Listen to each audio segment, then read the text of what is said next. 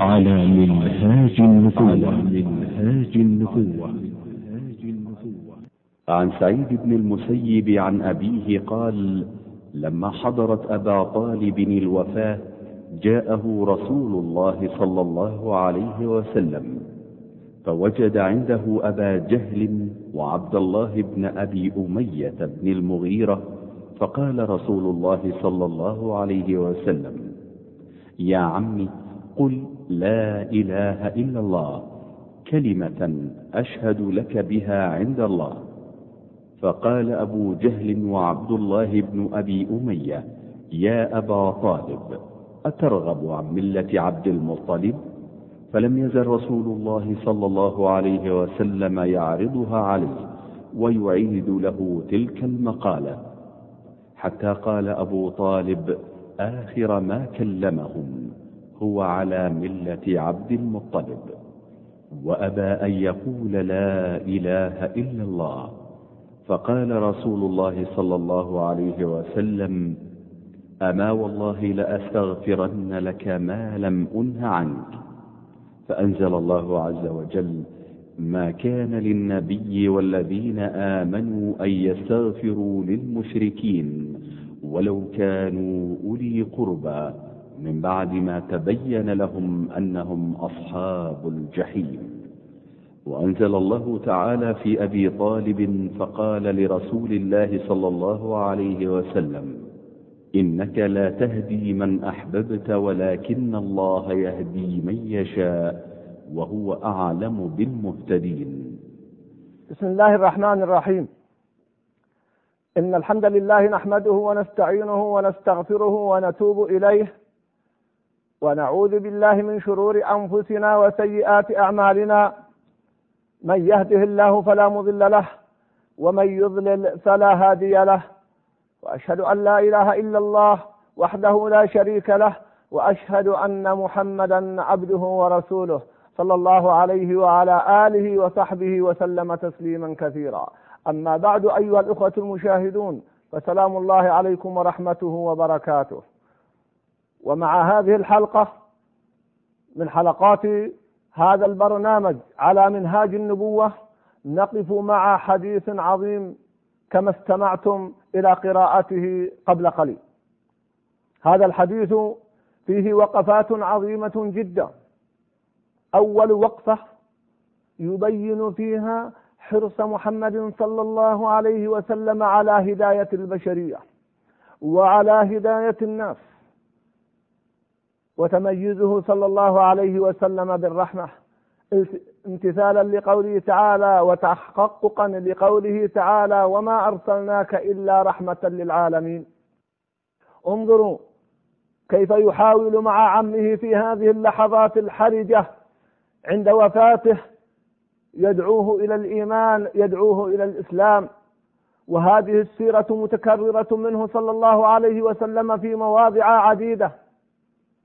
حتى إنه يوما من الأيام دخل على شاب يهودي كان مريضا وكان يخدم يخدم النبي صلى الله عليه وسلم.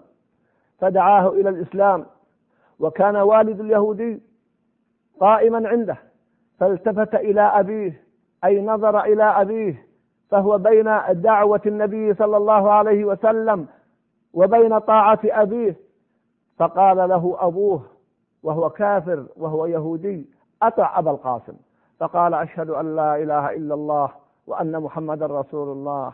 فخرج النبي صلى الله عليه وسلم فرحا تبرق أسارير وجهه صلى الله عليه وسلم وقال الحمد لله الذي أنقذه بي من النار أو كما قال صلى الله عليه وسلم.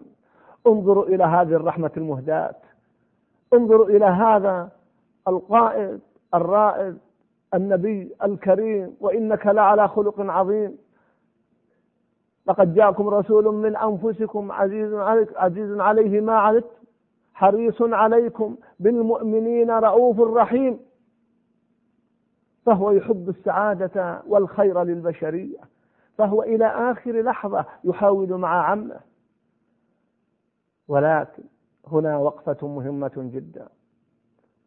وأن مع أن محمد صلى الله عليه وسلم أفضل البشر وأفضل المخلوقين مع ذلك لا يتحقق له هذا الأمر. ويموت عمه ولم يدخل في الإسلام ليبين لنا الحكمة العظيمة إنك لا تهدي من أحببت ولكن الله يهدي من يشاء.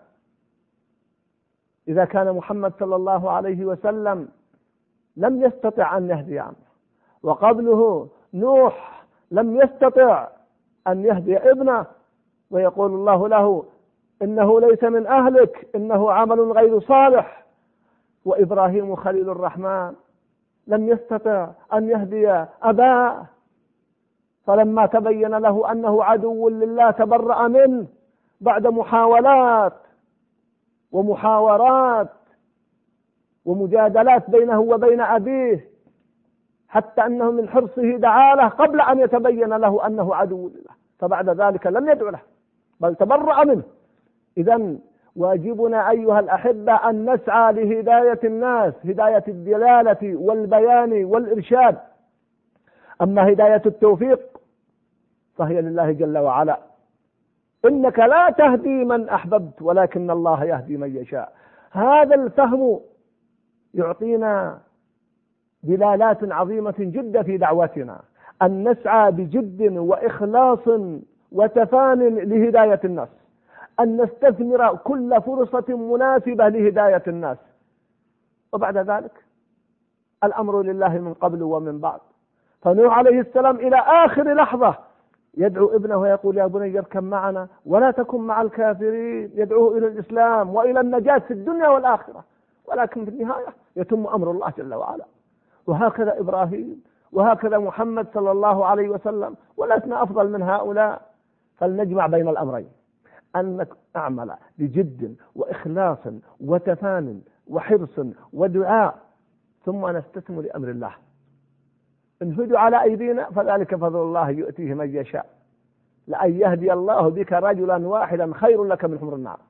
وإن بقي أولئك الذين دعوتم على ضلالتهم فالأمر ليس لكم. ولو شاء ربك لهدى الناس جميعا فهذا ملكه والحكم حكمه وهو عليم حكيم سبحانه وتعالى. هذه مسألة عظيمة. آمل أن تكون في هذه الكلمات قد اتضحت. ثم يا أحبة الكرام انظروا إلى آثار القرآن. ماذا فعلوا بأبي طالب؟ يحاول معه النبي صلى الله عليه وسلم ثم هم يحاولون معه لأنهم قرناء سوء. ويقولون له أترغب عن ملة أبي طالب عبد المطلب؟ فكلما أعاد عليه النبي صلى الله عليه وسلم المحاولة أعادوا الكرة عليه. سبحان الله. انظروا إلى أهل الباطل كيف يتفانون كيف يدعون كيف يحرصون على إضلال الناس. وانظروا كيف أردوه. فتأثر بمقالة أصحابه من أبي جهل وغيره. ولم يستجب لمحمد صلى الله عليه وسلم. ولذلك فإن آثار القرآن أثر عظيم. فيا أخي الكريم انظر من تصاحب انظر أين خليلك. لأن الله جل وعلا يقول الأخلاء يومئذ بعضهم لبعض عدو إلا المتقين. قال هل أنتم مطلعون؟ فاطلع فرآه في سواء الجحيم. لأنه لماذا قبل ذلك؟ قال إنه كان لي قرين. كان له قرين يريد أن يضله وأن يغويه. ولكن الله هدى ذلك وسدده. ولولا نعمة ربي لكنت من المحضرين. فما أحوجنا إلى أن نفهم هذه المعاني ويوم يعض الظالم على يديه يقول يا ليتني اتخذت مع الرسول سبيلا يا ويلتى ليتني لم أتخذ فلانا خليلا لقد أضلني عن الذكر بعد إذ جاءني وكان الشيطان للإنسان خذولا. كم من الناس الآن الذين يضلون البشر؟ كم من القرناء الذين يريدون أن يوقعوا أصحابهم بما وقعوا فيه؟ يوقعونهم بالشرك يوقعونهم بالبلاء بالمخدرات بالضلال الفكري والانحراف الفكري. هذه سنة جارية متبعة منذ قديم الزمان.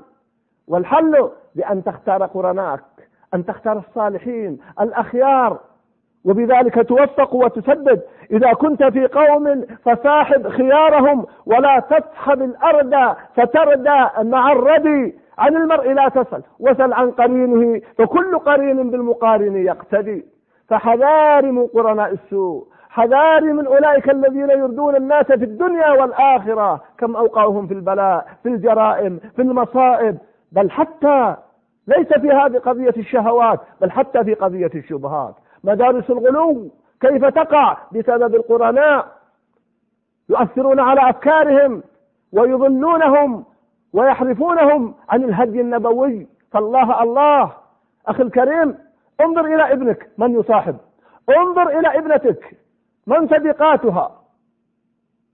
فتأملوا في واقعكم كم ضل قوم بسبب قرنائهم وكم هدي آخرون بسبب أولئك القرناء الأخيار الصالحين.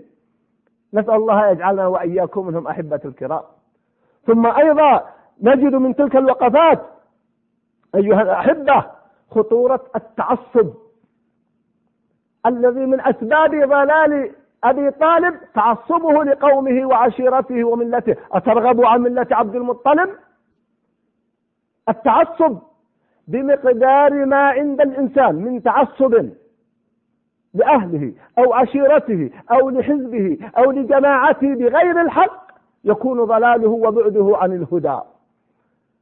وليس بالضرورة أن يكون التعصب أيها الأحبة للكفر. قد يتعصب إنسان لعالم أو لجماعة لكنه تعصبا أعمى. يعميه عن الطريق. وهل أنا إلا من غزية؟ إن غوت غويت وإن ترشد غزية أرشد؟ أرشد. إذا هذا خلل. نحتاج إلى أن ننابذ ونخاف مما انتشر. من التعصب والحزبية. التعصب المذهبي كم جر على الأمة من ويلات. التعصب للجماعات وللأفراد حتى ولو كان تعصبا للعلماء. لا نتعصب إلا لرسول الله صلى الله عليه وسلم. يا أخوة الكرام تأملوا معي هذه الآيات يقول الله جل وعلا لمحمد صلى الله عليه وسلم أولئك الذين هدى الله فبهداه مقتده وأوحينا إليك أن اتبع ملة إبراهيم حنيفا واتبع سبيل من أناب إلي. أين الملحظ؟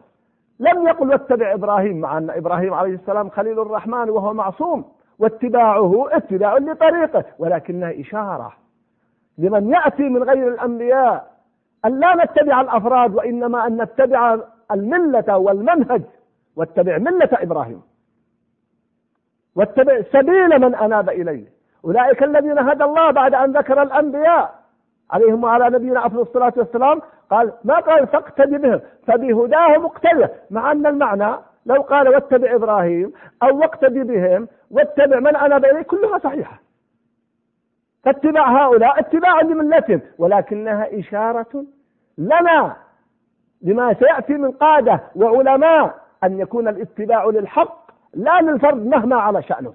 ومهما كانت مكانته فليس هناك أحد معصوم بعد محمد صلى الله عليه وسلم. وكل يؤخذ من قوله ويرد. إذا التعصب للأفراد التعصب للجماعات التعصب للقبيلة التعصب للبلد للعشيرة. انظروا فبمقدار التعصب كما قلت. لغير الحق يكون الضلال والبعد عن الله جل وعلا. فحذاري حذاري نجد أيها الأحبة من هذه الوقفات أيضا المؤثرة في هذا الجانب أننا نقول إن بسبب تعصب أبي طالب لعشيرته ولقومه ولأبيه لم يستجب لمحمد صلى الله عليه وسلم. أقول تأملوا أن تأملوا في هذه الأبيات وانظروا كيف كانت النتيجة من أبي طالب. يقول لمحمد يخاطب محمدا صلى الله عليه وسلم والله لن يصلوا إليك بجمعهم حتى أوسد في التراب دفينا فاصدع بأمرك ما عليك غضاضة وأبشر بذلك وأبشر بذاك وقر منه عيونا ودعوتني وزعمت أنك ناصح ولقد صدقت وكنت ثم أمينا. وعرضت دينا قد علمت بأنه من خير أديان البرية دينا. فهل استجاب؟ لا. انظر إلى أثر التعصب. لولا الملامة أو حذار مسبت لوجدتني سمحا بذاك مبينا. هكذا يكون التعصب. وهكذا يكون التعصب للعشيرة أو القبيلة أو الحزب أو الجماعة بغير الحق.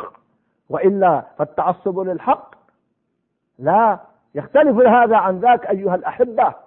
نجد من تلك الوقفات التي نختم بها هذه الدروس أن أقول لا تيأس أخي الكريم حاول وبذل وجاهد ولو ردك الناس ولو لم يستجيبوا لك فقد تواجه عنة ومشقة وصعوبة. وهذا هو طريق الدعوة. ألف لام ميم أحسب الناس أن يتركوا أن يقولوا آمنا وهم لا يفتنون؟ وتعلق بالله جل وعلا. وأخلص بنيتك. فيفتح الله لك من الآفاق ومن الخير. وبعد ذلك كما قلت إذا فعلت ذلك استجاب الناس لك أو لم يستجيبوا فالأمر لله جل وعلا. ثم أيها الأحبة حذار حذار من سوء الخاتمة. حذار حذار من سوء الخاتمة. انظروا إلى الخاتمة السيئة لأبي طالب. وأذكر قصة مؤثرة حدثني بها أحد المشايخ. يقول رأيت أخا عزيزا فرأيت على وجه آثار الحزن والكآبة فقلت ما بك يا أخي؟ قال توفي أخي. قلت له الحمد لله. الناس يتوفون وتوفي قبل ذلك رسول الله صلى الله عليه وسلم. فهذا الحزن الشديد لأنه يقول كان حزينا شديد الحزن. قال يا أخي لست حزينا لأنه توفي. يقول قلت لماذا إذا قال اسمع هذه القصة. قال كان أخي مسرفا على نفسه. فحاولت معه ودعوته للهداية.